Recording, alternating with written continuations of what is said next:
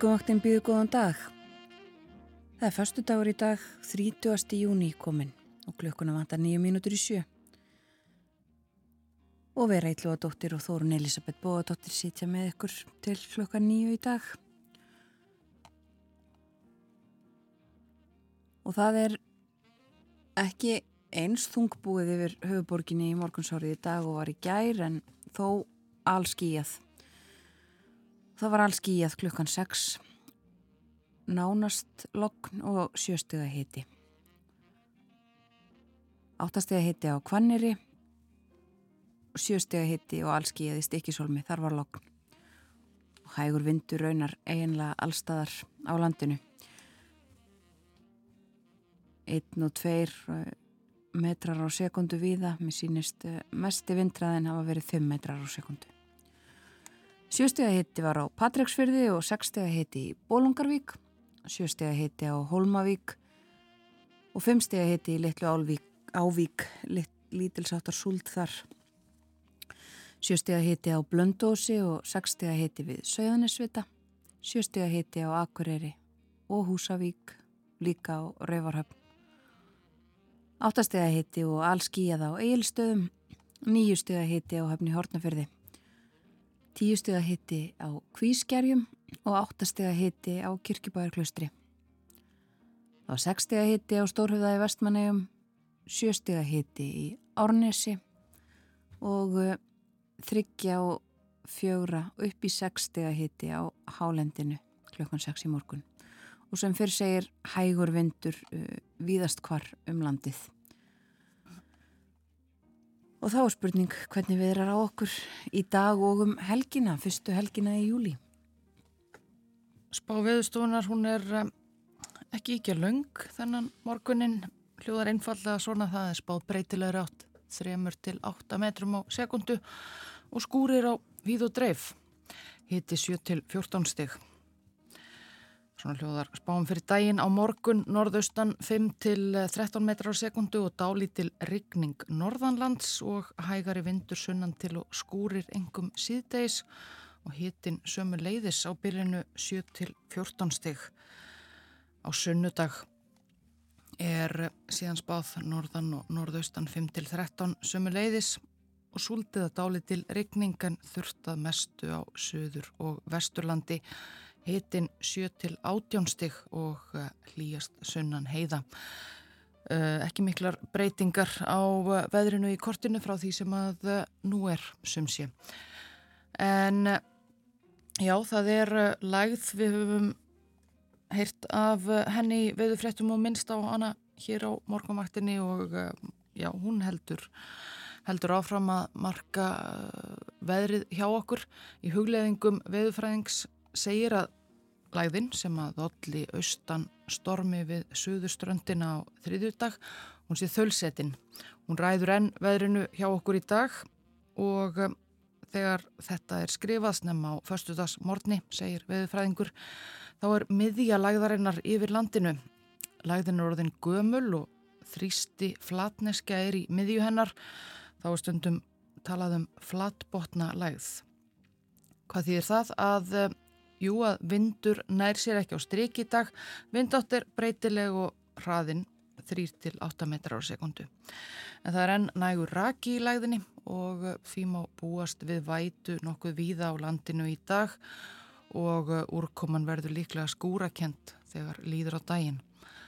Á morgun þokast svo miðja læðarinnar til söðausturs og þá gengur í norðaustan 5-13 og norðanverðu landinu með dálítilli regningu en hægari vindur sunnan til og skúrir. Og já, á sunnudag og dagana þar á eftir er útlitt fyrir breytt veðurlag þegar að gengur í ákveðina norðlæga átt og það þýðir að veðrið á landinu verður tvískipt, norðan og austanlands má búast við vætu með köplum og svölu veðri en sunnan heiða er útlitt fyrir bjart veður og hita kringum átjánstig þegar best lætur. Já, breytingar í kortunum. Við eh,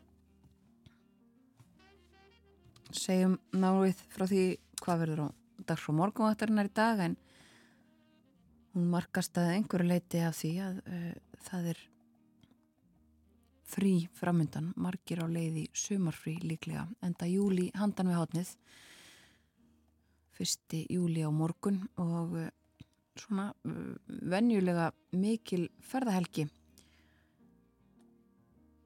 Meirum það hér á eftir og ímislegt fleira, við skulum heyra Solskins tónlist. Heyrum bítlana og eh, Here Comes the Sun.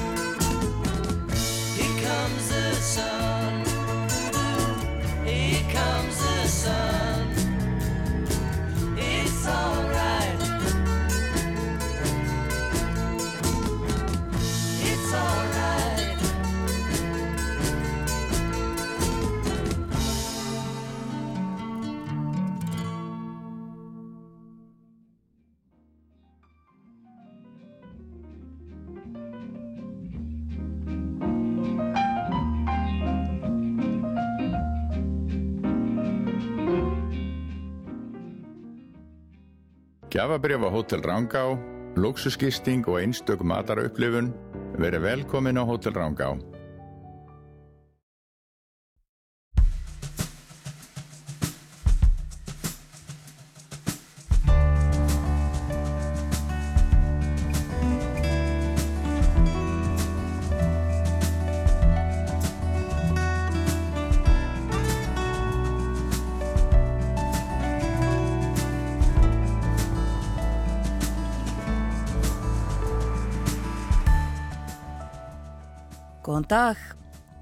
Morgunvaktin heilsar, förstu daginn 30. júni.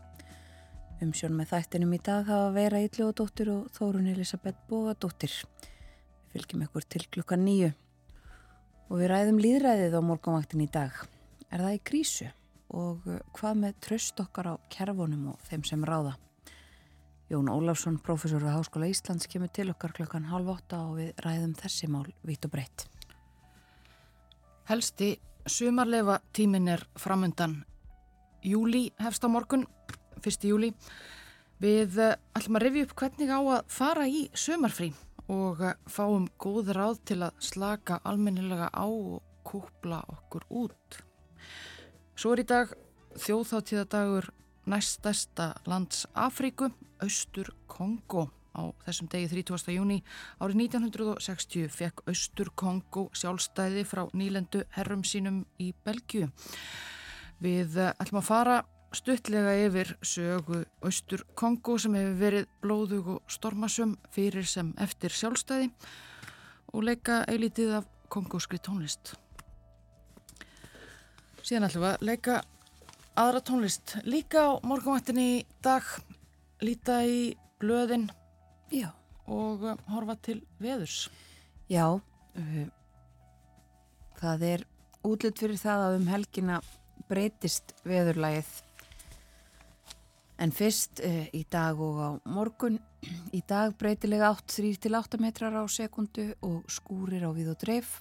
Á morgun norðaustan 5-13 metrar á sekundu og dálitil ryggning norðanlands.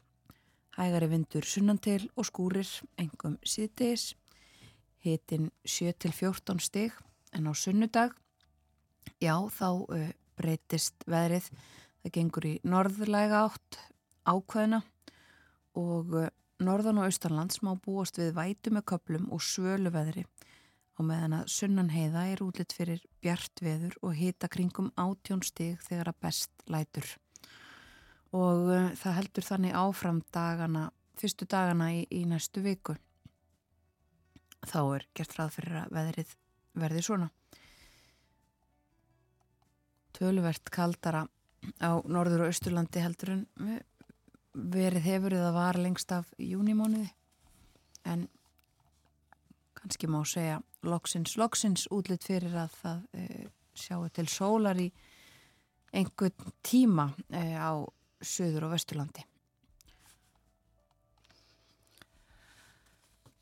Emið það og uh, því tengt á fórsíðu morgunblassins í dag það er mynd uh, úr Nautólsvíkinni í uh, Reykjavík og segir í myndateksta einn mitt veður guðurnir hafa ekki beinlinis verið hlýðhollir höfuborgarbúum þar sem aðver sumri og þannig var ekki margt um fáklættan mannin á Ylströndin í Nautólsvík í gær þegar Kristinn Magnússon ljósmyndari morgunblassins var þar á ferð en engu að síður voru þar öflugir syklingakappar sem letu veðrið ekki á sig fá og fleittu kænum sínum tí, tígulega á hálf úpnum potlinum. Flestir þeirra skortuðu höfuðfötum en þeir allra hörðustu lefðu hárinu að flagsa í hægum andvaranum. Mynda þessum kænum og syklingaköppum í Nöttólsvíkinni á forsiðu morgumblaðsins í dag. En ímislegt eh, annað á fórsíðunni sumuleiðis fréttum verslun. Andrés Magnússon frangandastjóri samtaka verslunar og þjónustu í viðtali á fórsíðu morgunbladsins í dag. Hann segir ekki komin fram merki um samdrátt en hins vegar sé tölverð óvisa í kortunum ekki síst varðandi eh, kjara samninga Tilefni þessa er umfyllun í morgumblæðinu síðustu daga um vísbendingar um að farið sé að hæja á hagkerfinu en Andris Magnússon segir að þvert á móti hafi veltan í verslun aukist í janúar til mæ meða við sömu mánuði fyrra. Fjallaðum verslun horfur í efnahagsmálum á fórsvíðu morgumblæðsins í dag einnig um menningu og menningamál á höfuborgarsvæðinu menningu er bólað út á jæðarinn, segir í eh, fyrirsögn. Og rætt við Marjurud Reynistóttur, skrifstústjóra menningarborgarinnar Reykjavíkur. Tilefnið, jú, nýverið var tilkynnt að tónleikastaðnum Hurra í miðborg Reykjavíkur hefði verið lokað og eh, sum leiðis um fjallaðum aðstuðleysi sjálfstæðra leikhúsa.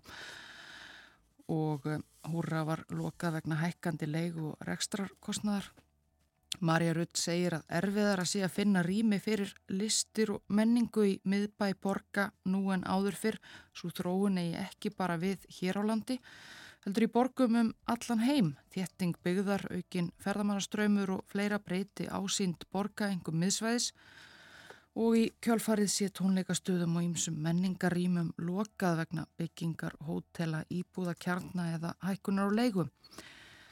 Þetta fel í sér þversögn, segir eh, Marja Rutur Einistóttir, skrifstofustjóri menningaborgarinnar Reykjavíkur, af því að jú, slík starfsemi eigi vissulega þátt í að laða að ferðamenn. Engin borg er ánum mannlífs en Tónleikastaðir og ímiskunnar menningarstar sem er stór hluti af því sem gerir borgir aðlaðandi heimað sækja eða búa í, segir Marja.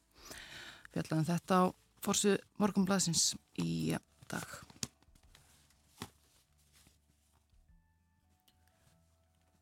Og uh, við myndumst á það að við ætlum að forvætnast um og revja upp hvernig er gott að fara í frí þegar að Við erum all komin, eða mörg komin með eh, upplýsingar um vinnuna í símana, við erum með tölvupost og það er alltaf hægt að ná í okkur.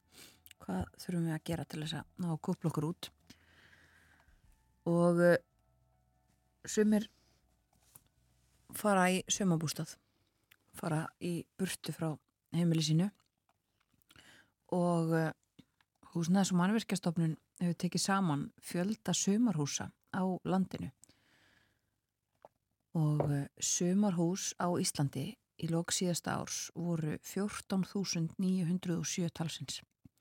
Og þeim fjölgaði uh, um ríflega tvö, uh, 200 á milli ára og uh, síðan þá hafa 51, hefur 51 sumarhús verið skráð ímest í byggingu eða fullklárað. Þannig að þetta er að skrýða upp í 15.000 fjöldi sumarhúsa hér á landi.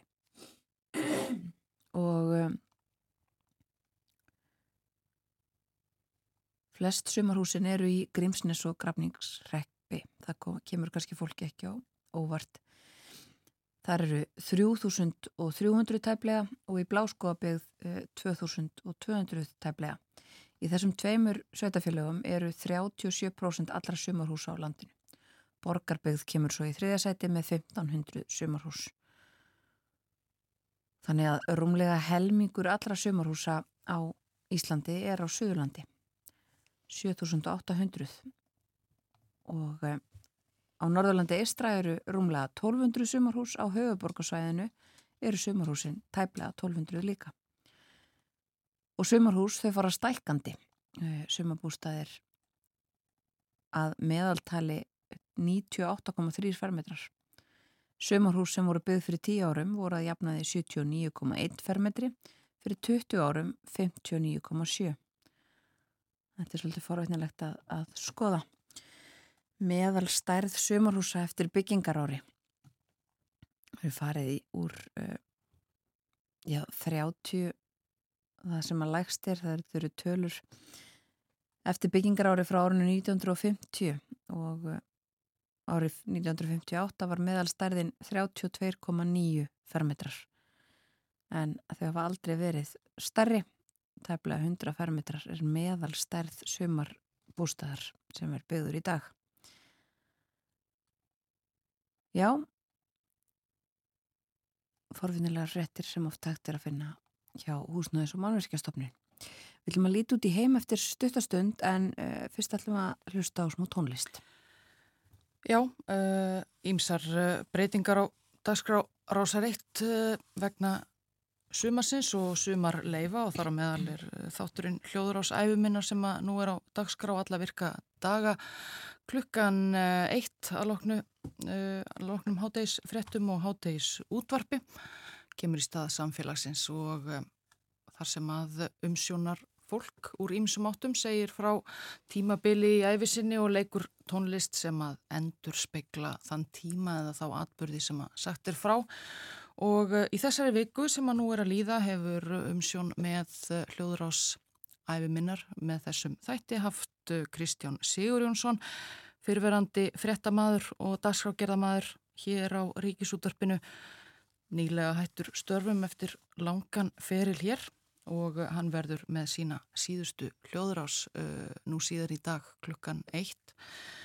Hann hefur farið um víðanvöll í uh, þáttunum sem að verið hafa í þessari viku, spilað talsvert af bítlunum sem að hann viðkennir að hafa, hafi mótað mikið æsku hans og tónlistasmekk og einnig uh, komið að dálæti sínu á bresku þjóðlagarokki og sér í lagi hljómsveitinni Fairport Convention.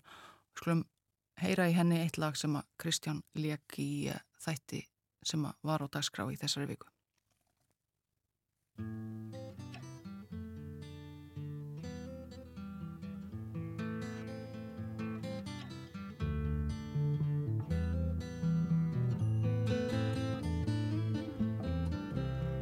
Often she has gazed from castle windows all and watched the daylight passing within her captive wall with no one to heed her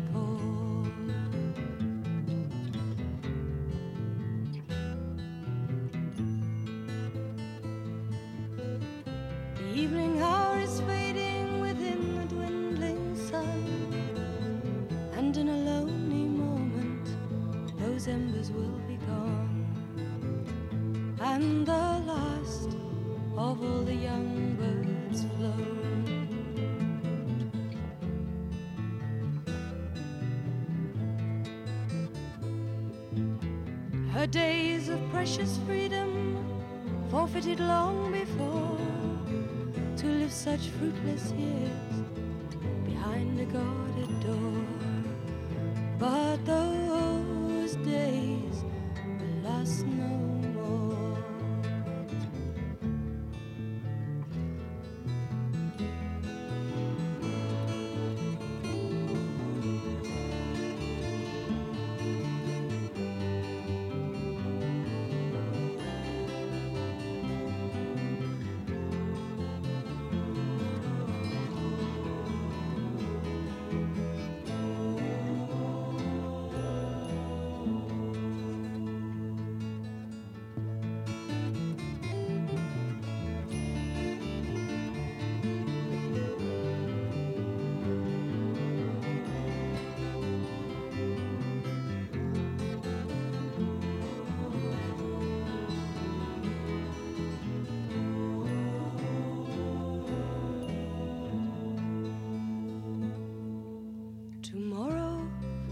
this all?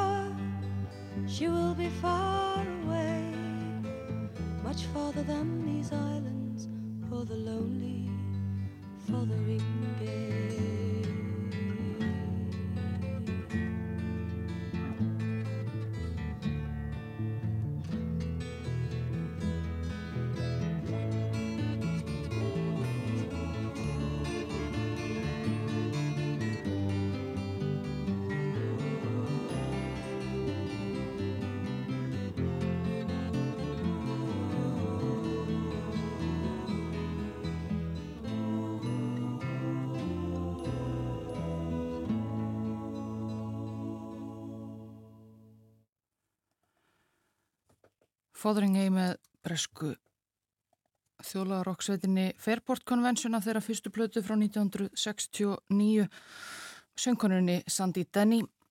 Lag sem að heyriðist í uh, hljó, þættinum hljóður ás æfiminnar sem er á dagskrá alla virka daga í sumar. Kristján Sigurjónsson fyrirvandi fréttamaður og dagskrágerðamaður sem að hefur haft umsjón með hljóður á sinni þessa vikuna og leik meðal annars þetta lag með Fairport Convention.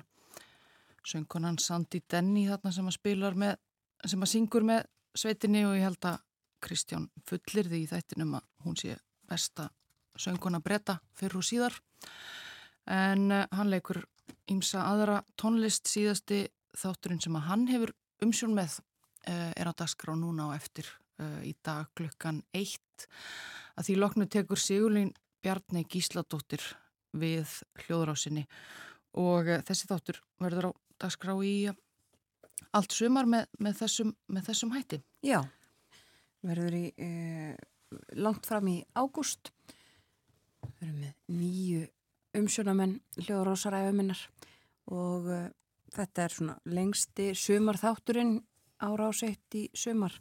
En eh, í næstu viku þá hefst svona stærri sumardagsgrá nokkrir þættir eh, hefðbundnir sem að fara í sumarfrí. Um, þetta helst í hádeginu fyrir sumarfrí, sumulegðis uh, mannlegi þátturinn, samfélagið er komið í sumarfrí og viðsjá og lestin uh, fara í sumarfrí líka. En það verða uh, þættir í þeirra stað, þátturinn sumarmál kemur í stað mannlega þáttarins ný þáttaserja Gíu Holmgjörsdóttur sem heitir Af stað verður í stað þetta helst. Og uh, hljóðrásæðum minnar eins og fyrir segir svo er uh, tengivagnin sem að verður á þriðudögum, miðugdögum og femtudögum í stað viðsjár og lestarinnar. Á mánudögum fáum við hins vegar tvær nýjar þáttaserjur á mánudaginn uh, fyrsti þátturinn af seríunni Hver á landi fegurster Kristlín Dís Ingilínardóttir hefur umsjón með þeim þáttum. Og svo Börn Tímans sem Guðni Tómasson hefur umsjón með og uh, eru uh, heimsóknir til listamanna. Ímislegt fleira á dagskrá rásareitt og í spilara á hlaðvarpi í sumar. En ef að heyra eitt lag sem að Sigurlinn Bjarni kemur til með að spila í sínum þáttum.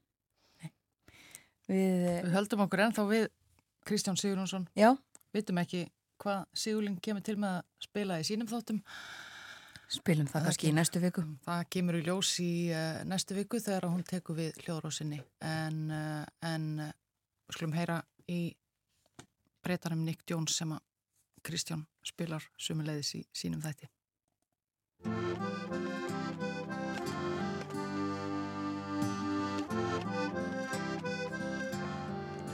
I went unto my love's chamber window, where I often had been before, just to let her know unto Flandike shore, unto Flandike shore, never to return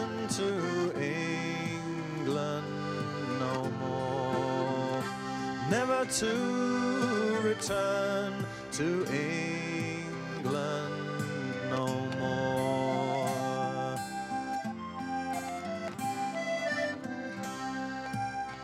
I went unto my love's chamber door, where I never had been before.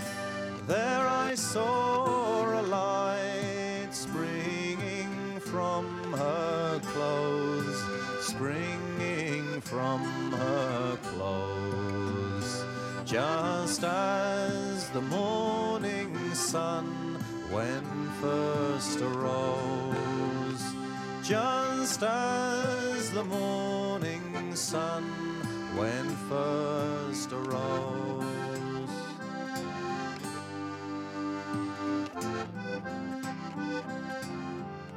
As I was walking on the Flandike shore, her own dear father I did meet.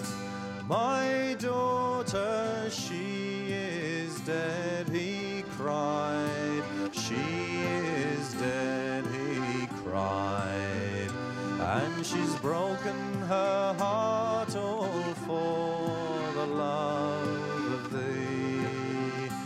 So I hove a bullet onto fair England shore, onto fair England shore, just where I thought that my own true love did lie.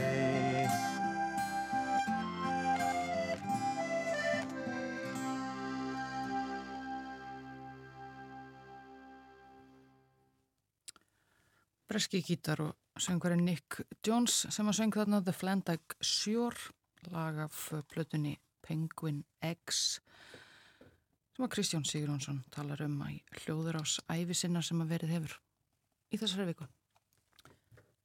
og uh, rétt örstutt út í heim um, helstu fréttinnar uh, þær eftir nóttina að það voru gríðarlega uh, mótmæli og, og óerðir í, í París og víðar í Fraklandi í, í nótt þrátt fyrir að 40.000 lauruglumenn hefði verið á uh, göttum borga og uh, átt að um, já, mjög mikil viðvera uh, lauruglunar 667 hafa verið handtekinn og það varu brotist inn í verslanir og kveikt í bílum meðal annars Lauruglumadurinn, þetta er sem sagt hófst allt eftir, eftir það að uh, lauruglumadur skaut ungan mann, uh, 17 ára dreng í, á þriðudaginn. Þetta hófst eftir það allt saman.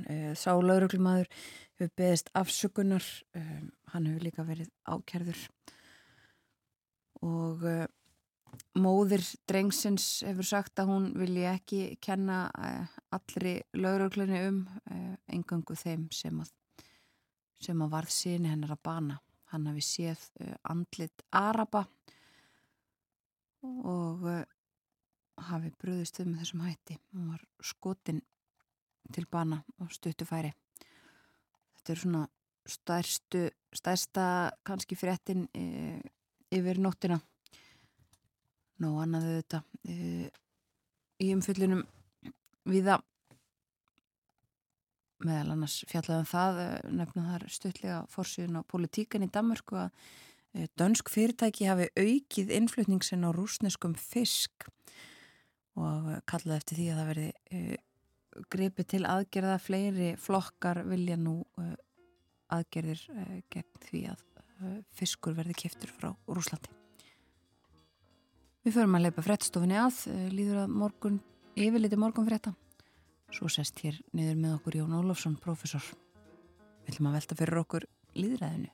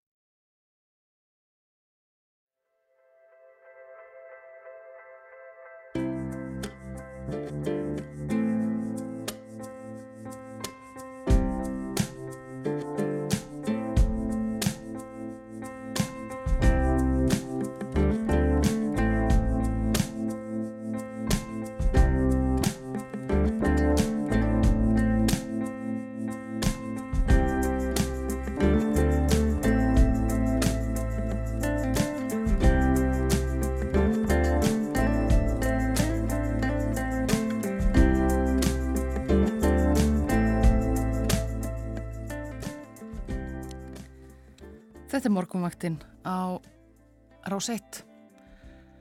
Það er förstu dags morgun. 30. júni síðasti dagur júnimánaðar. Júli og fyrsta helgin í júli. Handan við hotnið. Og um, í dag líka þjóðþáttíðadagur næst stærsta lands í Afríku, Östur Kongo. Við ætlum að halda aðeins upp á það hér að loknum morgun fréttunum klukkan 8 spila tónlist frá Kongo og fara stuttlega yfir uh, sögu þessa lands sem er þyrnum stráð held ég að megi fullir það en margir örglega komnir með komnir með hugan við sumarfríin. Og við ætlum líka að fjalla um þau. Sumarleifa tímin er framundan og við ætlum að revja það upp hér í uh, lok þáttar í síðasta hluta þáttarins uh, upp úr hálf nýju hvernig á að fara í sumarfrí. Fáum góð ráð til að slaka almennilega á og kúpla okkur út. Þetta er framöndan á morgunvaktinni en eh, fyrst að allt öðru. Já, fyrst uh, ætlum við að velta fyrir okkur og það næstu mínuturnar uh, eh, líðræðinu, trösti og uh, sem að tengist þessum svona leikil hugtökum í samfélaginu okkar samfélögum almennt. Til okkar er komin Jón Ólafsson, profesor við Háskóla Íslands. Velkomin á morgunváttina. Takk. Við ætlum að eh, ræða þetta. Það eru alls konar ástæður fyrir því að, að hægt er að velta þessu fyrir sér. Um, það er hægt að nefna atbyrði í samfélaginu hér, það er hægt að nefna bara þróun á alþjóðavísu, það er hægt að tala um stríð, um, uppgang alls konar flokka en við ætlum að byrja bara svolítið vítt og, og uh, spyrja og tala um er líðræði í krísu? Já, það er oft svona í hérna, fræði, fræði heiminum eh, er daldið litið svo á að það sé bara augljóst, að það sé einhver mikið líðræðiskrísa í gangi og það er svona á ymsum vikstöðum sem að fólki finnst það vera að berjast. Eh, eitt er nú bara fulltrúarlýðræði sem slíkt, það hefur verið mjög mikil, refasemtur um það, ég held að með segja kannski sérstaklega eftir 2008, bara um allan heim og mikla tilraunir til að endurnýja það sem að, að kannski núna 15 árum síðar margir eru orðnit aldrei svona þreytir á og finnst ekki hafa skilan á miklu og svo er kannski það sem að ber mest á það er, eru pólitísk samskipti mm -hmm. sem að eru auðvitað eh, mótast af nýju miðlum og, og, og það finnst mörgum vera stórkurslega hætta á ferðin í því hvernig fólk tala saman og, og hvernig sérstaklega upplýsingum er dreft eða eða raungum upplýsingum og, og þetta, kannski þetta tvent og, og svo bara þessi svona polarisering eða skautun í samfélaginu sem að, að margir fyrða sig svo mikið á sem að, að byrtist í auðvitað, eh, kannski sjáum við þetta í yktustu myndin í bandaríkjónum en, en það finna allir fyrir þessu um, í hennum vestrana heimi og, og ég meina ég held við getum farið, farið til Úslands og sama hátt, ég meina það er ákveðin tegunda polariseringu hvernig hvernig stjórnvöldin þar hefur tekist að, að svona herfaða almenning og fá hann til fylgis við, eh, við ríkalegar eh, hugmyndir. Þannig að, að allt þetta gerir að verkum að, að jú, jú, það er alveg hægt að taka undir það þessi krísa en, en svo hinbóin þá má kannski segja að, hérna, Meina, það er líka, við erum bara að hérna, takast á við algjörlega nýjar, nýjar hluti og, og orðið hérna sem sagt bara þetta að, að eitthvað eigi sér engin, eitthvað, þetta fordæmislausa sem að var nú hérna klísjan í, í COVID, þetta á við viðar. Já, einmitt, þetta á við um allt, en er sko uh, að þetta sem þú nefndir allt saman, uh, þetta kannski tengist allt saman, eða hvað? Já, og ég, sko það er kannski tvent sem að hérna er um, svona merkilagt í þessu þar annars vegar uh, hugmyndirnar um sko endur nýjum líðræðisins mm -hmm. og líðræðisnýjungar og, og hérna og það var, uh, ég menn sem er svona jákvæða, jákvæða byrtingamyndin um, að, að hérna í stað fulltrúa líðræðis að þá getum við haft kannski miklu svona beitni og, og, og meiri svona þáttöku miðaðri myndir líðræðis mm.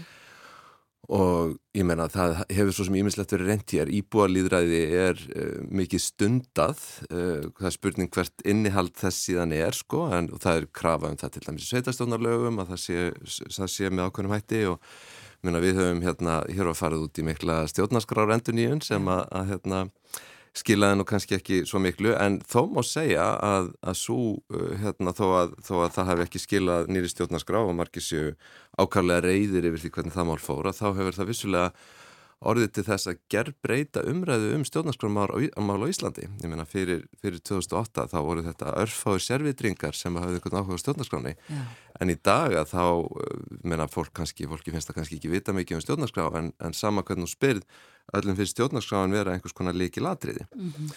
og, og, og það, má, það má halda fram. Ég held kannski það sem að vantar í þetta, þetta sem að svona, fólk hefur gert sér vonir um það, það, er, það er alltaf verið að, að byggja um þessi beinu áhrif almennings og, og það sýnir sér hér á Íslandi sem, sem er merkilegt að stjórnmálamenn hafa mjög lítinn áhuga á þessu og, og það hefur gert að verkum að Ísland sem að, að 2008 átt að verða svona tilraunastofa líðræðisins, þetta litla samfélag mm -hmm. og svo mhm. framvegs hefur í rauninni aldrei staðnað að þessu leiti og, og það hefur orðið svona meiri vonbrið heldur en hitt en sko, en svo má segja sko Meina, hvað þýðir það nákvæmlega að, að almenningur hafi bein áhrif á, á stefnumótun, hvernig ætlum maður að útfæra það?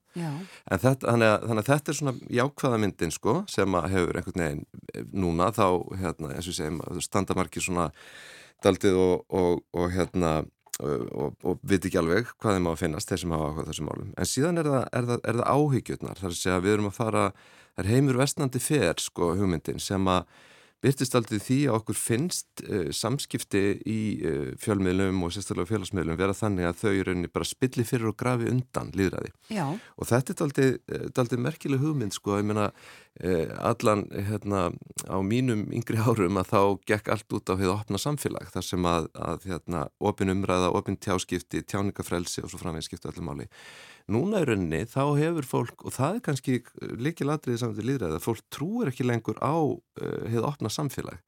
Það er að segja að, að fólk ímynda sér að ef að uh, hérna, öllum er leift lausum á, á gardan að þá endir það bara í polariseringu og kannski sérstaklega að uh, félagsmiðlarnir eru ekki líðræðislegur vettvangur, þeir eru Eh, hérna, eign stórfyrirtækja sem að hafa uh, það markmið að skila sem mestum hagnaði.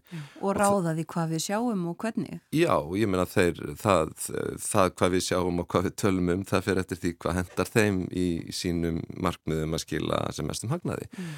Og, og það kannski, og ég meina við sjáum til dæmis hvernig umræðan stjórnast af hagsmunum stóru tæknifyrirtækjana. Ég meina, tökum til dæmis alla umræðana um gerfigrænt sem hefur verið síðan í desember í vetur þegar svona, fyrsti, fyrsta spja, svona, svona verulega uh, góða spjallmennið byrtist sko. Uh, hvers vegna erum við þessari umræðu núna? Jú, það er vegna þess að fyrirtækin voru farin að sjá það að það þyrti að koma eitthvað nýjóngun á markaðin og þetta er það sem að, þetta er útspil þeirra í uh, þeirra viðskipta viðleitni. Þannig að, að áhyggjurna kannski eru svo mikið að því að, að umræðu okkar sé stjórnað á hagsmunum sem hafa bara ekkert með líðræð að gera og er stendur nákvæmlega sama um hvaða ástand er í samfélaginu og það sem að jafnvel sko þessi, þessi hérna, heift og, og harðfylgi sem við sjáum á ábyrjum vettvangi er að finna góða ef þú hugsaður um það frá sjónamiði þessara fyrirtækja sem að er að, að græða. Þannig að ég meina Ég held að, að, að þetta er eitthvað sem, sem tengi síðan í því að, að auðvitað veldur það miklu með evasemdum um almannaþáttöku ef okkur sínist að umræður, opnar umræður eh, endi eða leiði meira til, uh, til klopnings og öfgahyggju og í rauninni bara ofbeldis. Já. Já og það er tölverð umræðu um það einmitt að þetta sko svona opni frekar á slíkt sem að kannski hafi meira verið undir einhverju yfirborði en sé núna sínilegt öllum á þessum samfélagsmiðlum eða og á netinu bara alveg.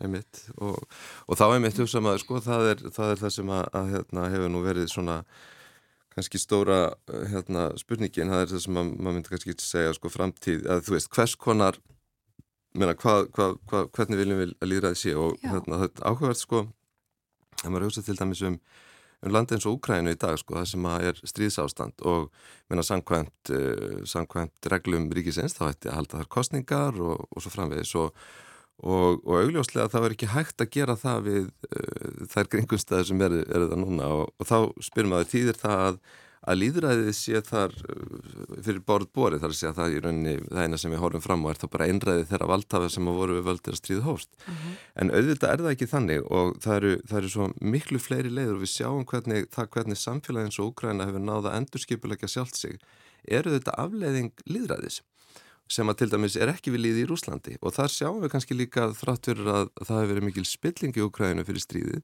þá sjáum við að þrátt fyrir allt hafa þar þróast líðræðisleir innviðir af því að það var tjáningafrelsi og það var opið samfélag.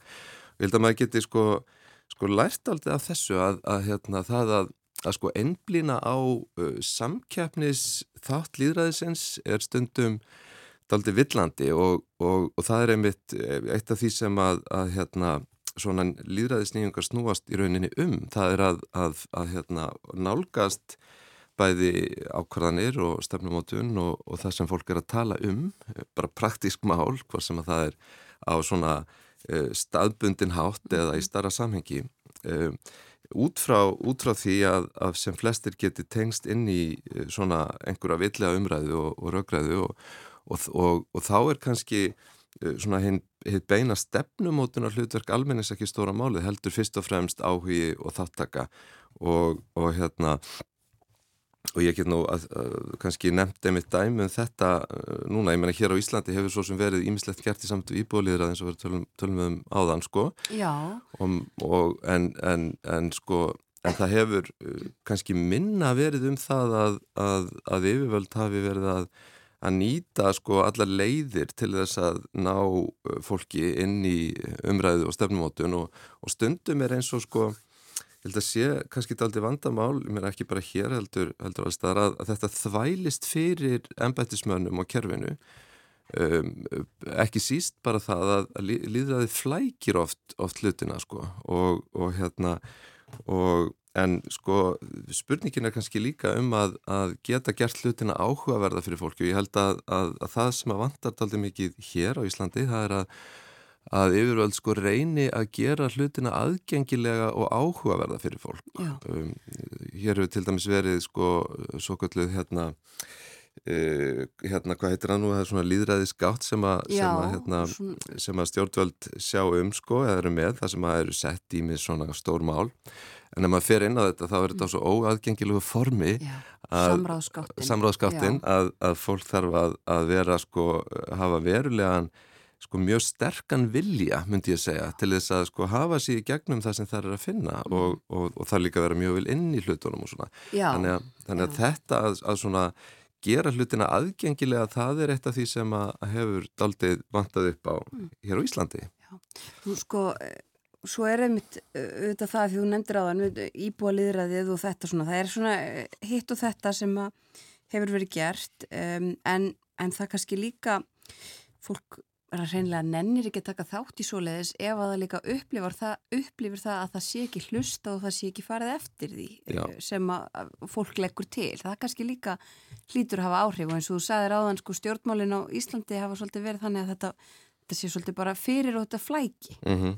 Emitt og, og það hefur sko þrátt fyrir svona mikið tal um þetta á pólitískum vettvangi, menna við erum til dæmis það land sem að hefur það sem að flokkar eins og píratar hafa náð bara lengst inn í pólitíkina. En það verðist engin áhrif hafa í þessa veru að breyta þessu og, og hérna uh, sko uh, um, ég held bara að, að hérna uh, sko það sem að það sem að gæti séð fyrir sér eru sko leiðir það sem að, að sko fólk, eins og ég segja, þessum hlutin eru gerðir áhugaverði fyrir fólki og, ég, og það, sko, það sem að kemur átt svo óvart er það hvað stjórnmálamenn sko eru bundnir við þá hugmynd sína að það sé svo gríðarlega skemmtilegt og áhugavert að taka þátt í hennum pólitíska slag.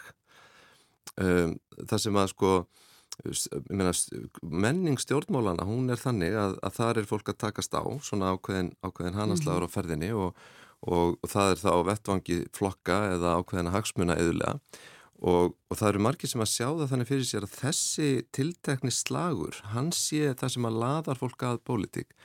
En mér hefur sínist miklu algengar sko, með til dæmis yngra fólk í dag það, það laðast ekki að þessu, þetta er ekki jafn áhugavert og skemmtilegt og, og fólk kjælt sko, og, það hefur í rauninni miklu meiri áhuga því að, að setja sig betur inn í stærri mál mm. og, og, og sko þar komum við líka að þessari félagsmiðla umræðu að sko ég held að sé algjör meðskilingur að það sé sko uh, hérna uh, umræðan hún sé fyrst og fremst þannig að hún æsi upp ákveðna tilfinningar hjá fólki og það hafi áhugað því að sko tjá reyði sína fyrst og fremst eða tilfinningar. Það er miklu sko algengar að sjá einmitt að, að fólk hefur bæði tækifæri til og reynir að setja sig mjög sko mikið inn í hluti. Þannig að Þannig að, að kannski pólitíkinu hefur farið meir út í það að, að fólk hefur tiltekin áhuga mál, er ekki bundi við eh, flokk, flokkaða stefnur heldur hefur áhuga ákveðna málaflokkum og vil setja sig inn í þau.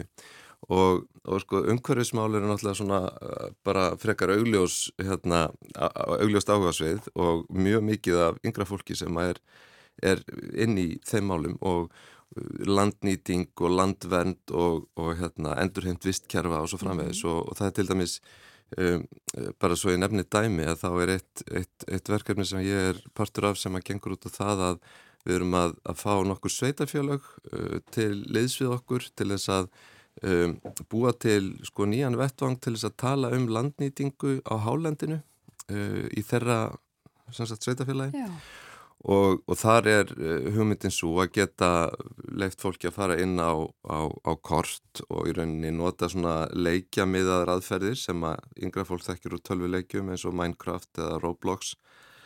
Það sem eru svona uh, er svona plattform þar sem að, að þú, þú hefur ákveðna kosti og getur gert ákveðna hluti og, og, og í rauninni átt samskipti við aðra. Og, og þessi, þessi leikjavettvangur er í rauninni kannski eitt af því sem að gæti sko skipt mjög mjög máli í svona enduníun líðræðis áhuga vegna þess að mm. þetta er ekki menna, þetta er ekki sko eh, slagur um eitthvað en þetta er heldur ekki einhver bara svona steindauð hérna umræða um eitthvað sem að fólk á mjög örfitt með að fá áhuga á Já, heldur kannski eitthvað sem að getur verið skemmtilegt að, að setja sér inn í og, og pæla í eins og, og tölvuleikir geta verið mm. Og þeir eru að vinna í, í þessu núna. Þetta er uh, eitt af því sem er já, hægt að prófa til þess að, að laða fólk að Eh, og, og laða fram það að fólk vilji taka þátt í, í mm -hmm. umræðum og ákvarðanatöku. alveg dæmið það. Og, og ég meina ég man eftir einhvern tíman fyrir mörgum árum þá hérna þá vorum við nokkur úr háskólanum að reyna að gilla það fyrir Reykjavíkuborg að, að, að nota ákveðnar aðferðir í þessu. Og, og með mér á fund hérna borgarstjóra fór kollegi minn úr háskólanum aðeins eldri maður og hérna og hann var einmitt alveg bundin í þessa þessa hérna þessa hugmyndum líðræði að það skemmtilega við líðræði væri slagurinn, það leiðinlega væri umræðan. Og hann er mitt lísti því svo fyrir hérna fyrir borgastjóra að það væri, það þurfti að átta sig á því að, að það að draga fólk inn í umræðu sem að í rauninni væri leiðinleg, líðræði væri leiðinlegt og fólk að skilja það sko, en þetta er auðvitað ekki, ekki ekki málið heldur. Held ég að þurfi kannski meira að, að uh, opna það fyrir fleirum að það getur verið uh, mjög skemmtilegt að, að vera inn í þessu. Ég held að mörguleiti þá hafi til dæmis uh, hérna svona líðræðis hérna, betri Reykjavík sem borgin hefur verið með mm -hmm. á mhm. síðust árum. Þetta var, var hleyið mikið að þessu til að byrja með. Þetta búið að vera í gangin núna líklega í 13-14 ár og, og þetta þótti lítið, nokkur hundru miljónir sem að fólk hætti skipta á milli á hverjana svona verkefna og svo hefur, hefur þetta verið svona hijacka stundum, það komið fram tillögur um minnisvarða um alls konar fólk Já. sem að, að er, er bara brandari og, og en sko á sama tíma þá er þetta smátt, smátt og smátt unni sér á hvaðin sess. Og ég held að það sé líka annað sem að, að, að þarf að hugsa út í sko, þetta tekur rosalega langan tíma. Mm. Það er, það er ekki hægt að búast við því að fólk stökvi á svona nýjungar 1, 2 og 3 og yðurlega þá byrjar svona með því að fólk er mjög neikvætt. Þannig að það kostar sko verulega mikil, mikil átök og vilja hjá, hjá stjórnmálumönnum til þess að, að koma svona í kring og, og, kannski, og það er kannski ástæðan fyrir því að við sjáum politíkina þrátt fyrir alla nýjungar ekki fara mikið út í svona að fólk sér ekki alveg að það skilir sér í kjörkassan sko. Það, þetta er ekki Þetta er ekki svona hæsta prioritetti hjá fólki að umbreyta líðræðinu, það er einhverstað miklu neðar, fólk segja jú það er mikilvægt en, en það er margt annað sem er mikilvægara. Og pólitikursatnir því miður þeir eiga erfitt með að hugsa út fyrir það, þá ramma sem að þeir eru innan hverju sinni. Þannig að, þannig að þess vegna er ansið margt sem að, að gera verkum að sko líðræðis nýjungar eru kannski miklu erfiðari í framkvæmt heldur en ymsar aðrar nýjungar. Og, og það kostar, kostar miklu meira já, bara miklu meiri svona, hvað maður segja, vilja og, og, og hérna, þólimæði eh, til þess að komast líku eitthvað áleiðis. Já, þú talaður um þetta áðanum að, að það væri kannski stöðnun í, í þessum málum á Íslandi. Þetta, þetta það krefst langtíma hugsunar ef, að, ef að þetta er ekki efst á, á bladi eins og þú ert búin að vera að fara yfir. En eh, mér langar rétt í lokin, Jón, að við tölum aðeins um einmitt, þetta í tengslum við sko tröst og uh, sko bara hvernig byggjum við þetta upp, við erum bara með mörg dæmi núna um með mitt svona þetta, fólk hefur ekki trúið þessu, hvort sem við erum að tala um stjórnarskrá eða hvort sem við erum að tala um Íslandsbankamáli núna eða hvað, fólk svona einhvern veginn og bara mælingar á þessu. Við verðist vera að fólk hafi bara ekki mjög mikið tröst á þessum líðræðislegu stofnunum og því. Mm -hmm. um, já bara, eru er þetta sem þú ert að tala um leiðirnar til þess að bæta það eða hvað, hvað hvað þarf að gera? Sko þessi traustumræða er aldrei skrítin að því að, jú, vissulega mælist sko óanæja, vantraust mm -hmm. og, og, og svona spillingar upplifun mjög sterk en á sama tíma eru margar stopnanir sko njóta það er uh, tröss og jáfnvel vinsælda þannig að þetta er svona daldið alltaf uh, þversagnakent en, en ég held að fólk og stjórnmálinn finna þetta fyrir því að það er svona um, hvað maður segja, það er kaltæðni ríkjandi gegn gagvartegum, það er ekki búist við mjög miklu, það er alveg eins búist við því að þeir séu fyrst og fremst að þjóna eigin hagsmunum eða séu spiltir eins og þeir séu eitthvað annað. Ah og því miður sko þá eru þetta og það er kannski að því sem að þú nefndir áðan það er þetta með vendingar að uh, menn upplifa það þannig að þegar að byrja með ákveðnar nýjungar uh, að þá, þá, þá verður fólk verið vonbriðum og það veldur því að, að í stað þess að, að nýjungarnar auki tröst eða auki ánæg og þá gerist það öfua og, og þetta gerir að verkum að, að stjórnmálamenn verða náttúrulega ennþá hrættari við að fara út í eitthvað svona vegna þess að það er ólíklegt uh, að fyrsta kastið skilið að þeim hérna niðurstöðum og, og menn fara út í bara hérna að ég um ekki bara að hérna halda fram að kjósa eða eitthvað sko. Og sem er alveg skiljanlegt en, en, en sko ég held að, að þetta snýst að mjög mjög leiti um uh, sko mætti nota orðið vendingastjórnun, mætti líka nota bara réttar upplýsingar. Og það er oft mjög hérna, eh, erfitt fyrir stjórnvöld, ég menna þetta er misjæft eftir löndum, við erum ekki drosalega góði því að gefa góðar og skýrar upplýsingar hérna í þessu landi um, það er mjög mikið um það að, að ákvarðanir sko séu ekki skýrðar nægilega vel, séu ekki kynnta nægilega vel og það er einlega bara því miður sko, jáfnvel þó að, að það sé verið að leggja sér fram um einhvers konar íbúalýðræði og ymsa nýjungar að þá, þá tekst oft mjög illa að kynna það eða, eða leggja í það þá vinnu og nattni sem að þarf til þess að fólk skilji um hvað er að ræða geti gert að uppi sig hvort að vil taka þátt eða vil taka ekki þátt og ef það tekur þátt að það skilji og viti hvað verður um þess þáttöku þannig að ég held að, að það, það sé uh, sko og ég meina þetta er að einhverju leiti vandamál viðar en þetta er alveg sérstaklega mikið vandamál hérna á Íslandi hefur mér sínst að, að, hérna, að, að búa til þennan vettvang þar sem að fólk sko getur treyst venast að þú, þú treyst sko uh, það er alveg universal svona reynsla um allan heima fólk gerir ekki þá kröfu um að allt sem það heimtar verði strax að veruleika en það vil vita nákvæmlega hvernig er unnið með þess að það leggur fram. Einmitt. Við getum haldið áfram lengi, komust því miður ekki lengra. Takk kærlega fyrir að koma til okkar á morguðettina, Jón Ólarsson. Takk sem liðs.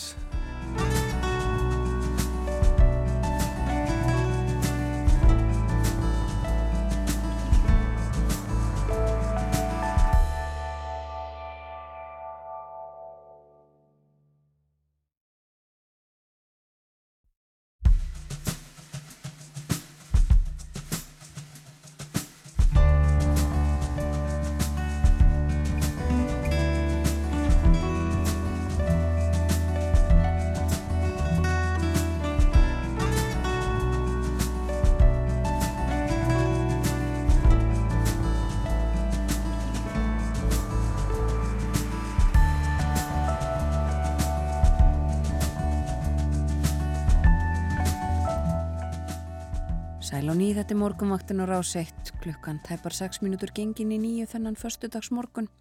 Það er 30. júni í dag, síðasti dagur júni mánadar. Júli helsar á morgun og uh, í byrjun júli verða breytingar á veðrinu á sunnudag og dagana þar á eftir. Það gengur þá í ákveðna norðlæga átt og það þýðir að veðrið á landinu verður tvískipt, segir í huglegingu veðurfræðings. Norðan og austanlands má búast við vætu með köplum og svölu veðri. En sunnanheiða er útlitt fyrir bjart veður og hita kringum átjón stig þegar að best lætur. Á, ja, í dag og á morgun er hins vegar áfram uh, lægð sem að ræður veðrinu hjá okkur þessi þaulsetna lægð sem að uh, hefur valdið uh, leiðenda veðri fyrir í vikunni. Miðja lægðarinnar er yfir landinu nú snemma morguns og uh, af því hún er gömul þá nær vindur sér ekki á stryk. Það er hægu vindur í dag 3-8 metrar á sekundu en nægur raki eftir og má búast við vætu nokkuð víða á landinu í dag. Og morgun þá gengur í norðustan 5-13 metra á sekundu á norðanverðurlandinu með dálítillir rigningu en hægari vindur sunnan til og skúrir. Sumstaðar efnismiklar dempur síðdeis. Hittin á morgun 7-15 stig og hlýjast á Suðvesturlandi. Og uh, við ætlum aðeins meira að tala um uh, sumarið á eftir uh, það hvernig er gott að fara í sumarfrí. Líklega margir að undirbúa það í dag, júli vinsælastur sumarfrís mánada. En meirum það hér á eftir en nú að deginum í dag einmitt 30. júni. Já, það er 30. júni það er þjóðháttíðadagur Östur Kongo, Östur Kongo í mið-Afríku. Þetta er næst fjölmennasta land Afríku á eftir Allsýr, stærsta segi ég, fjölmennland og, og land sem á sér bæði merkilega og erfiða sögum. Haldið upp á það í dag að landi fekk sjálfstæði frá nýlenduherrum sínum belgum og já, við skulum byrja á því að heyra eitt lag frá Östur Kongo. Það er tónlistamæðurinn Franco.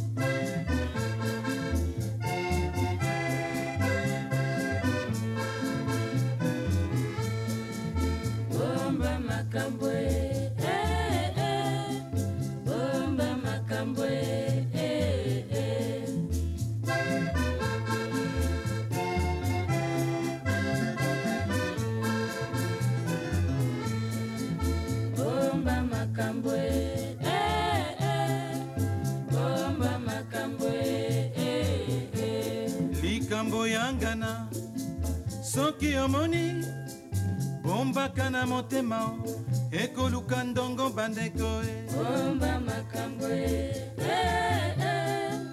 bomba makambo eh, likambo eboma mboka o. Bilobaloba likambo eboma mboka o. Songi songi bandeko bomba makambo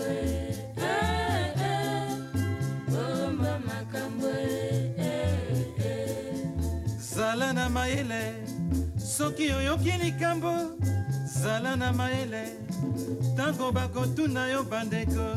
Bomba makambo bomba makambo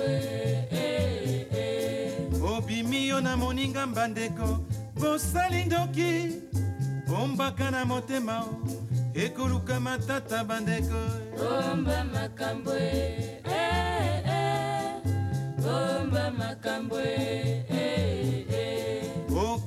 mboka ya bato okuti likambo soki ozongi bandeko bombaka na motema bandeko.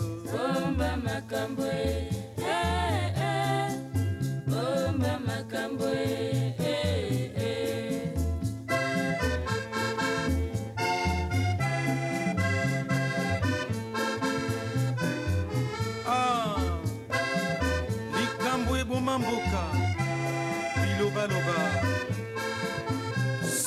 Songisongi bikumbakumba bimemamema. Bikundola-kundola likambo bakundaki yo oke kokundola ah. soki okei na ndako ya moninga soki okendeki kolia lia. Soki okendeki kosenga senga. Soki okendeki mpo ozangi vanda tala. Tika kokumba makambo ya nganda Di buen.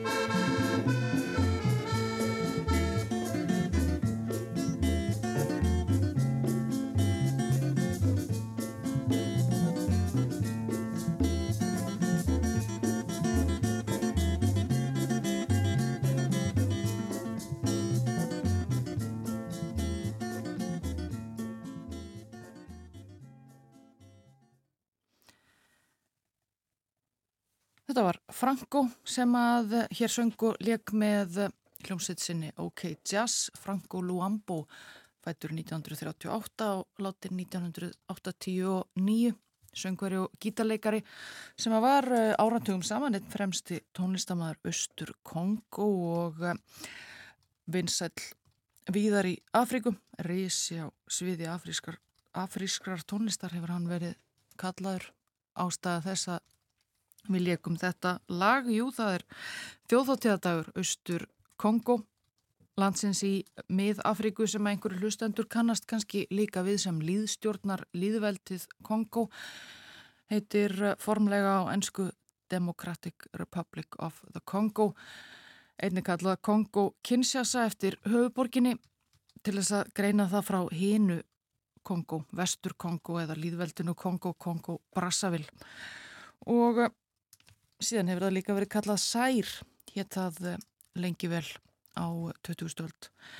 Við höfum áður fjallaðum Östur Kongo hér á morgunvaktinni uh, raunar nokkur sinnum síðustu árin og því meður þá kemur svo umfjöllun sjálfnast til af uh, góðu. Östur Kongo hefur mestan hluta sögu sinnar logað í átökum og ófriði og sagan öll lituð af voðaverkum og blóði og íbúar landsmenn þjáðust af afleiðingum þess og fátakt sumleiðis. En þrátt fyrir það þá er Östur-Kongo í raun vell auðugt land og gæti verið með ríkustu landum í heimi, væri því stjórnað farsælega og það væri ekki öll þessi stríð sífælt að hafa áhrif á sögu þess. Kongo, Östur-Kongo er næst stærsta land Afríku og eftir Allsýr 11. stærsta land í heimi og uh, þar búa eitthvað um 85 miljónir manna, þetta er fjórða fjölmennasta land Afríku, fjölmennasta landi sem hefur frönsku að ríkismáli þó að landsmenn tali raunar flestir ímsar uh, aðrar afrískar tungur að móðumáli Og það er þjóðtíðadagur þessi dag vegna þess að á þessum degi 30. júni árið 1960 fyrir 63 árum þá fekk landið formlega sjálfstæði frá nýlandherrum sínum. Það voru belgar og já þá var ástæða til að gleðjast í Östur Kongo að því að belgar leku landið einstaklega grátt á nýlandu tímanum en þeir bera í raun og veru líka ábyrð á því að Östur Kongo er yfirleitt til. Landið er eins og fleiri löndi í Afriku í, í raun og veru skapað af nýlendu herrum á nýlendu tímanum. Landamæri þess uh, búin til af Evrópumönnum frekar en landsmönnum uh, sjálfum. Það var undir lok 19. aldar sem að Leopold Annar konungur í frekar ómerkilegu litlu evrósku konungsríki Belgiu dreymdi um að verða nýlendu herra að land hans erði nýlendu veldi eins og um, önnur stórveldi í Evrópu þjóða meðal þjóða. En uh, og ákvað því að grípa til þess ráðs að, að beita klækjum til þess að leggja undir sig gríðarstort svæði í miðri Afrikum sendi út málaliða. Þar á meðal var landkunnurinn frægi Henry Morton Stanley sem að gekk erinda Belgiu konungs uh, í þessu máli í, uh, í Kongo og blekti inn, innfætta höfðingja til þess að uh, gangast Belgiu konungi á hönd og uh, það var síðan það var síðan samþygt á uh, Berlínarfundinum alræmda þar sem að fulltrúar nýlendu veldana skiptu Afríku og millisín undir uh, lok 19. aldar að Leopold Belgíu konungur stjórnaði því sem hann kallaði fríríki í uh, hjarta Afríku gríðar stort landsvæði sem er austur Kongo dagsins í dag og hann fekk það í hendur prívat og persónulega Austurkongu var eh, sem sé byrjun ekki belgisk nýlanda heldur í raun og veru eign konungsins persónlega. Belgiska þjóðin deildi ekki andilega áhuga konungsins á þessu nýlandu bröldi fyrstum sinn og kannski í raun og veru aldrei en eh, þetta var hansi stort landsvæði, 2,5 miljón ferkilometrar, einn þrettandi af öllu afríska meginlandinu, starra en England, Frakland, Þískaland, Spátn og Ítalja samanlagt og 76 sinum stærra en Belgia og þetta sem sé persónleg eign konungsins. Gekk svona brösulega nýlendureksturinn fyrstum sinn en varð síðan að gullnámu fyrir Leopold konung. Það var eh, þegar að fríríki Kongo fór að framleiða í stórum stíl og flytja út gummi sem var þá farið að nota undir lok 19. aldarinnar í dekk og eh, annan varning. Mörg, eh, mörg hundruð, mörg þúsund tonn sem að Kongo flutti út af eh, gummi úr gummi trjá skóum og Leopold konungur syndi seglum þöks í þess en íbúar Kongo þeir voru beittir miklu hardræði til þess að koma þessu gummi á evróskan markað Þeir uh, voru skikkaðir til þess að borga svo kallan gummi uh, skatt, sapna ákveðinu magni af gummi af trjánum og færa belgum hinn og opimbera og um, gerðu þeir þar ekki, áttu þeir við hafðu sér þungar refsingar teknar af þeim hendur eða aðrir útlimir eða hreinlega, eða hreinlega uh, teknir af lífi.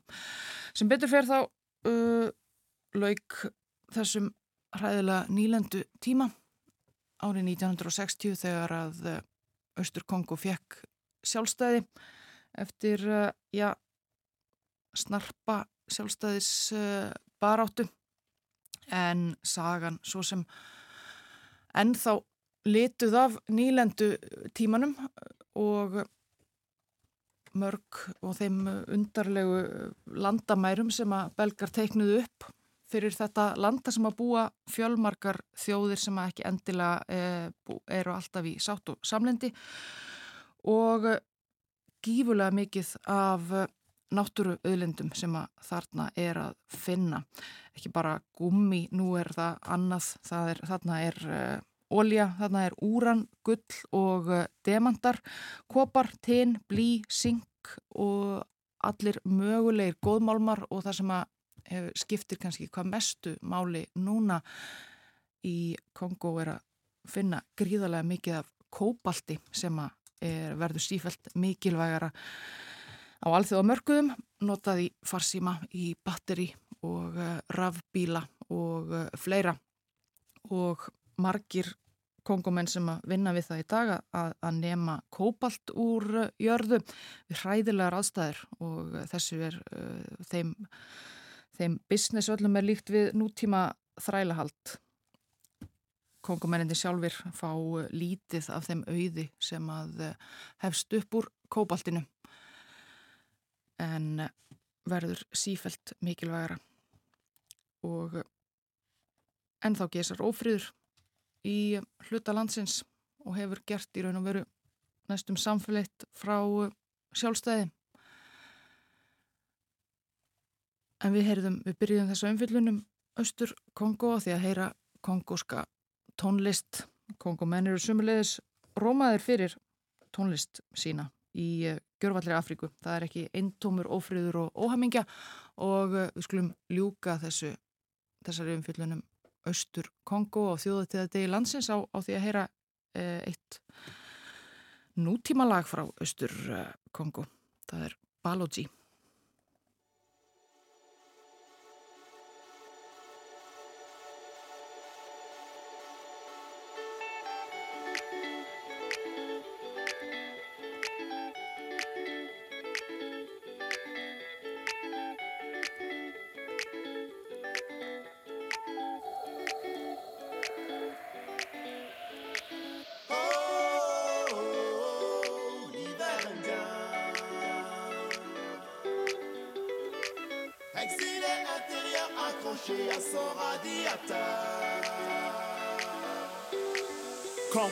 Quand tombe le mercure, le ciel pique du nez, les éclairs, ce sont des fissures. Dans un plafond goudronné, encaisser le choc thermique. Échange d'amabilité au fond de la glace. Moi c'est Emery Bouyamba, enchanté. Mon prénom catholique est un passe-droit à ma couleur. Dans les familles à salaire unique, on fait du 5 euros de l'heure.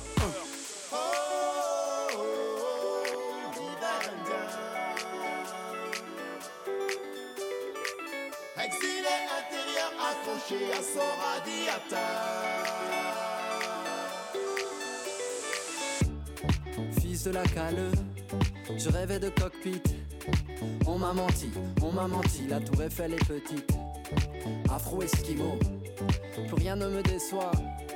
Promesse à l'aube, promesse à l'aube devient mensonge le soir. Hiver indien m'a casé sur la banquise. Je campe ici, ne défais pas mes valises. L'exil, un cul-de-sac, une impasse, un sas. Je cherche un plan pour m'évader, pour passer. Où sont, où sont, où sont les Champs-Élysées? Où sont, où sont, où sont les Champs-Élysées?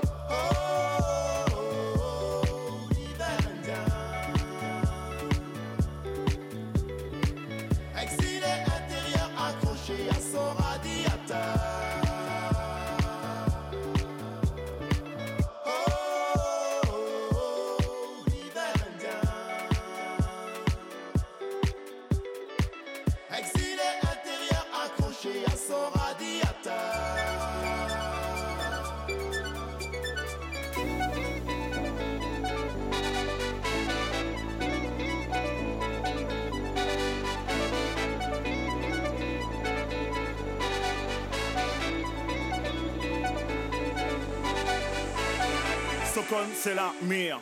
On neige en plein délire. Des flocons, flocons, flocons.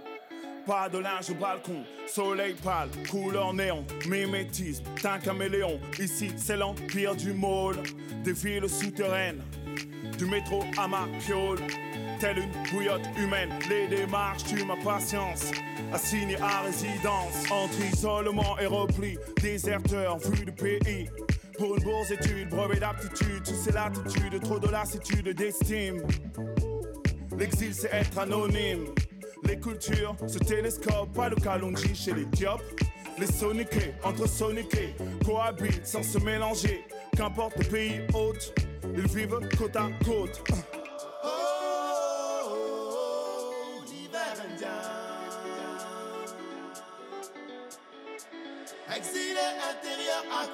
asora diata.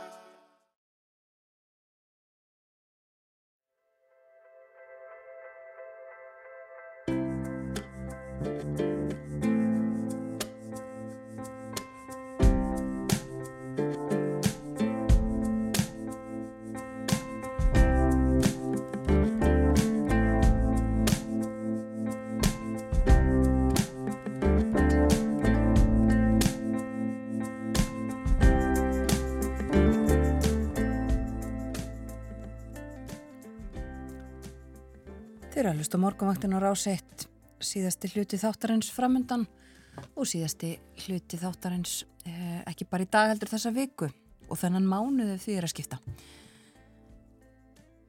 Við eh, ætlum að velta aðeins fyrir okkur sumrinu, sumarfríjónum sem að margir eða mörg eru líklega að eh, undirbúa núna. Einhver eru þetta farnir í frí en júli svona eh, mikill sumarfrís mánuður og hann tekur við á morgun, 1. júli á morgun. Við eh, ætlum að velta ymsu fyrir okkur. Við revjum upp góð ráð hér eftir smá stund. Til fyrst að aðeins að uh, lesa upp úr grein á, sem ég sé hér á VF Vikublasins á Akureyri. Fríið sem glemdi að byrja Þetta er uh, grein eftir þær Elisabethu Ír Steinarsdóttur fjölskyldufræðing og Hildi Ingu Magnadóttur foreldra og uppeldisfræðing og doktorsnema. Það er uh, vinna hjá heilsu og sálfræði þjónustunni og eru með svona nokkur góð ráð fyrir uh, foreldra og börn, fólk sem er að fara í frí með, með börn og taka fram að það getur verið flókið og sumrin séu ekki andilega kvíld fyrir fóreldra. Það minnstakosti ekki ef börnin eru á heimilinu. En uh, segja, dagarnir þurfa ekki vera stútfyllir af skemmtun eða innihalda stífa dagskrá. Það getur verið holdt fyrir börn að leiðast og hafi ekki of mikið fyrir stafni. Þegar fóreldrar átt að sjá því getur pressan á að koma með hugmyndir að verkefnum og dagskrá mingað sem getur svo dreyið úr álæginu á heimilinu. Börn þurfa alla jafna ekkit svo mikið til þess að vera ánægð. Skóarferð klukkan 6 að mótni getur nært barnið langt fram eftir degi, jafnvel þó að það hafi verið erfitt fyrir fóreldrið að komast á fætur. Börn eru ekki frekjur eða ótillitsum þegar þau vekja sumarfrís fóreldra að snemma. Heldur eru þau að tjá tilfinningar sínar, sína væntumþykju eða láti ljósa þau hafi þörf fyrir reyfingu. Og lítam á á sumarleifið sem samansapna samverustundum frekar en frí. Oft er nóg að verja tíma með badninu án utan að koma til trublunar. Það getur ítt undir örgistilfinningu og skapað aðstæður og rými fyrir sjálfstæðan leik og samvera fjölskyldunar þarf ekki að kosta mikið. Lautarferð með nesti, hjólatúr, sundferð, útilega, heimsokk til vina og ættingja, samvera með öðrum börnum, spilakvöld. Þetta eru líklega stundirnar sem börnin munu helst muna eftir við lók sömarsins. Og uh, það er segja gott að hafa í huga fyrir foreldra að draga úr kröfum og væntingum. Það þarf ekki að skipulegja allar daga í þaula. Hvetjum börnin til þess að koma með hugmyndir.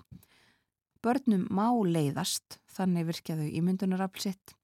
Samvera án utanaðkomandi áreitis er leikilatriði og verum meðvituð um skjánótkun, segja þær. Hæjum á og njótum augnabliksins, það gæti linst óvænt kvild í því, segir svo í lók þessarar greinar. Og þetta er uh, svona eru uh, ráðleggingar fyrir fóreldra en það er kallast svo litið ávið uh, ráðleggingar sem við ætlum að heyra núna fyrir fólk, vinnandi fólk sem er á leðin í frí Herdís Pála Pálsdóttir stjórnunaráðgjafi hún kom til okkar á morgunváttina í fyrra og fór yfir þessi mál. Hvað þurfum við að hafa í huga? Hvað uh, eigum við að gera, hvernig eigum við að fara í frí? Þannig kemur meðal annars einmitt fram þetta við gerum stundum allt og mikla kröfur til frísins.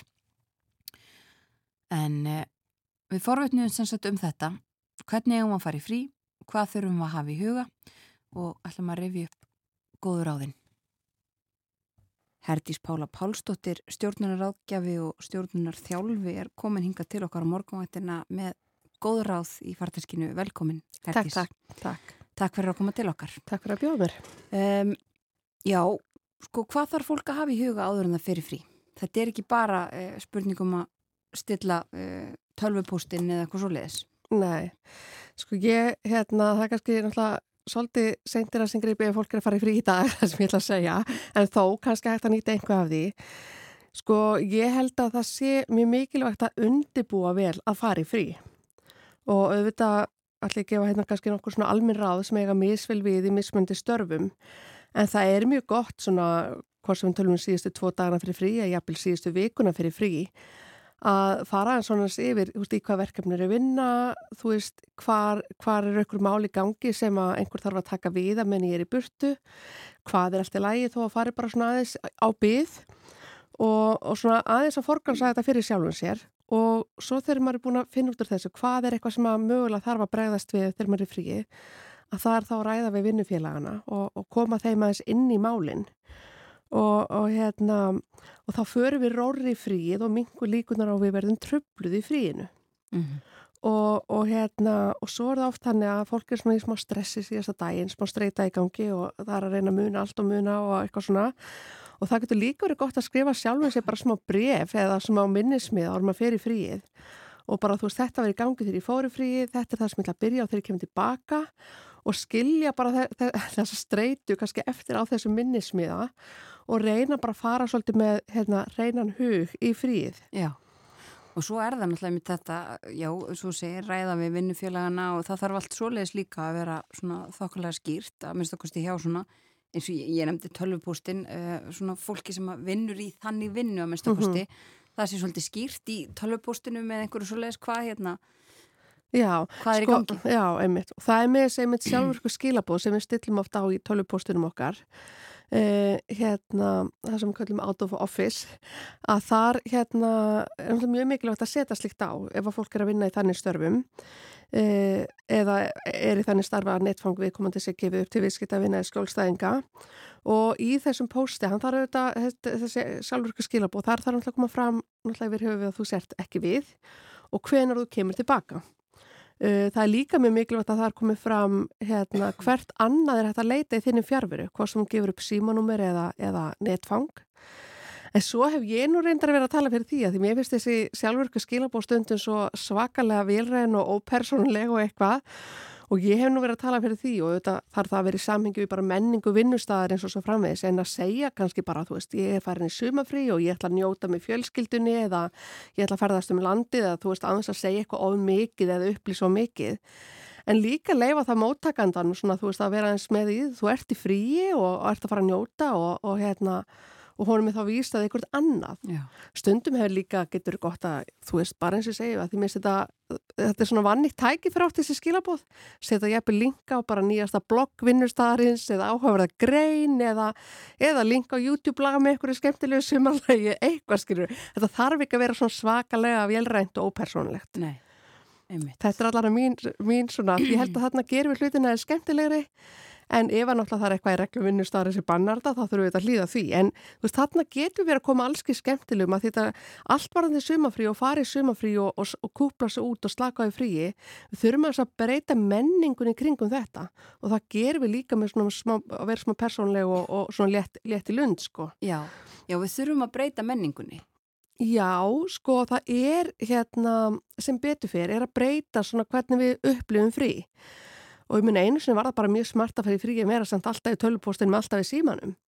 Það er bara frekar ósmart í dag og við þurfum að mynda að breyta því og jæmt fyrir almennastarfsmenn og stjórnendur og það er ekkit nóg að vinnustæði segja að við viljum allt okkar fólk í frí en svo fær það aldrei verið fríði í fríinu. Mm -hmm. En þetta er samvinnuverkefni. Þú veist eins og ég sagði áðan, við sem teimi, vinnufélagar, við þurfum að bakka hvort annað upp og grípa boltana fyrir hvort annað til þess að leifa fólki verið fríi. Já yfirmenn og, og stjórnendur, þeir þurfa líka, þeir þurfa auðvitað sjálfur að fara í frí og kúpla sig út og hafa skilning á þau fólkið er að gera það líka. Já. Þannig að þetta er svona menningi held, veist, við erum, við, hefur, við erum byrjað að þokast að mínum að þetta, það sem ég kallar rétt átt, það að við verðum frí og bara mikilvægi þess að fari frí vegna þess að fólk sem fer í frí og fær frið í fríinu, það kemur bara miklu endur nærðara tilbaka. Og, og hérna, eitt af því sem er talandi líka um hvað við maður gera árum fyrir mig frí eða þú veist síðasta daginn árum fyrir mig heim að það er til dæmis að slökkva á öllum svona tilkynningum í, post, í símanum okkar. Hérna það sé ekki pípandi þegar hverskipti sem kemur póstur eða fundabóð eða áminningi eitthvað slíkt, bara slökkva á þessu. Og ef þú kanta ekki, fáðu bara einhvern til að segja hjálpa þér. Og það getur verið börniðin eða það getur verið eitthvað vinnufélagiðin e, það verður ringt í þig ef það er eitthvað sem bara brennur og er eitthvað alveg að fara á hliðina En, en þarna þurfur hver og einn einstaklingur líka að aga sig í að erum ekki alltaf að kíka síman. Já, já við erum auðvitað sko, svo mörg núorðið já. með síma, með, jafnvel með síma og tölfur frá vinnunni já, já. og þá kannski finnst okkur svona ósylrótt að það eigi að vera hægt að ná í mann hvernig sem er. Já, og það er alveg hægt vegna þess að það er að ringja í þig og ef það er eitthvað sem er alveg bara meiri háttar og það bara enginn getur leist nema þú, mm -hmm. þá verður ringt í þig og þá vonandi bregst þú vel við og hjálpar þínum vinnuveitant og þínum vinnufélögum. En fyrir svona eitthvað bara eitthvað smávægilegt þú þart ekki alltaf vera með augun á síman Nei. og þarna því, því verður við sem einstaklingar að bera þessa ábyrð slökk á þessum tilkynningum hafa kveikt á símanum að sjálfsög þannig að það hægt að ná í okkur. En þetta, þú veist, það er algjör óþar að vera að setja allt sumafríði sitt í þetta sko. Já, akkurat. Sko Hertís, það er ekkit uh, allir sem fara kannski lung frí í einu en það er kannski reyndar uh, líka hluta af þessu sko, hversu, hversu langt frí þarf maður að fara í til þess að ná að kúpla svo út. Er hægt að kúpla sig alveg út bara í stöttu frí? Já, sko ef að maður undirbyrða vel eins og ég sagðan og forgámsraðar og setur verkefnin í hendur annar og svo framvegs þá er þetta ná mjög góðri kvíld og enduníun í stöttum fríum.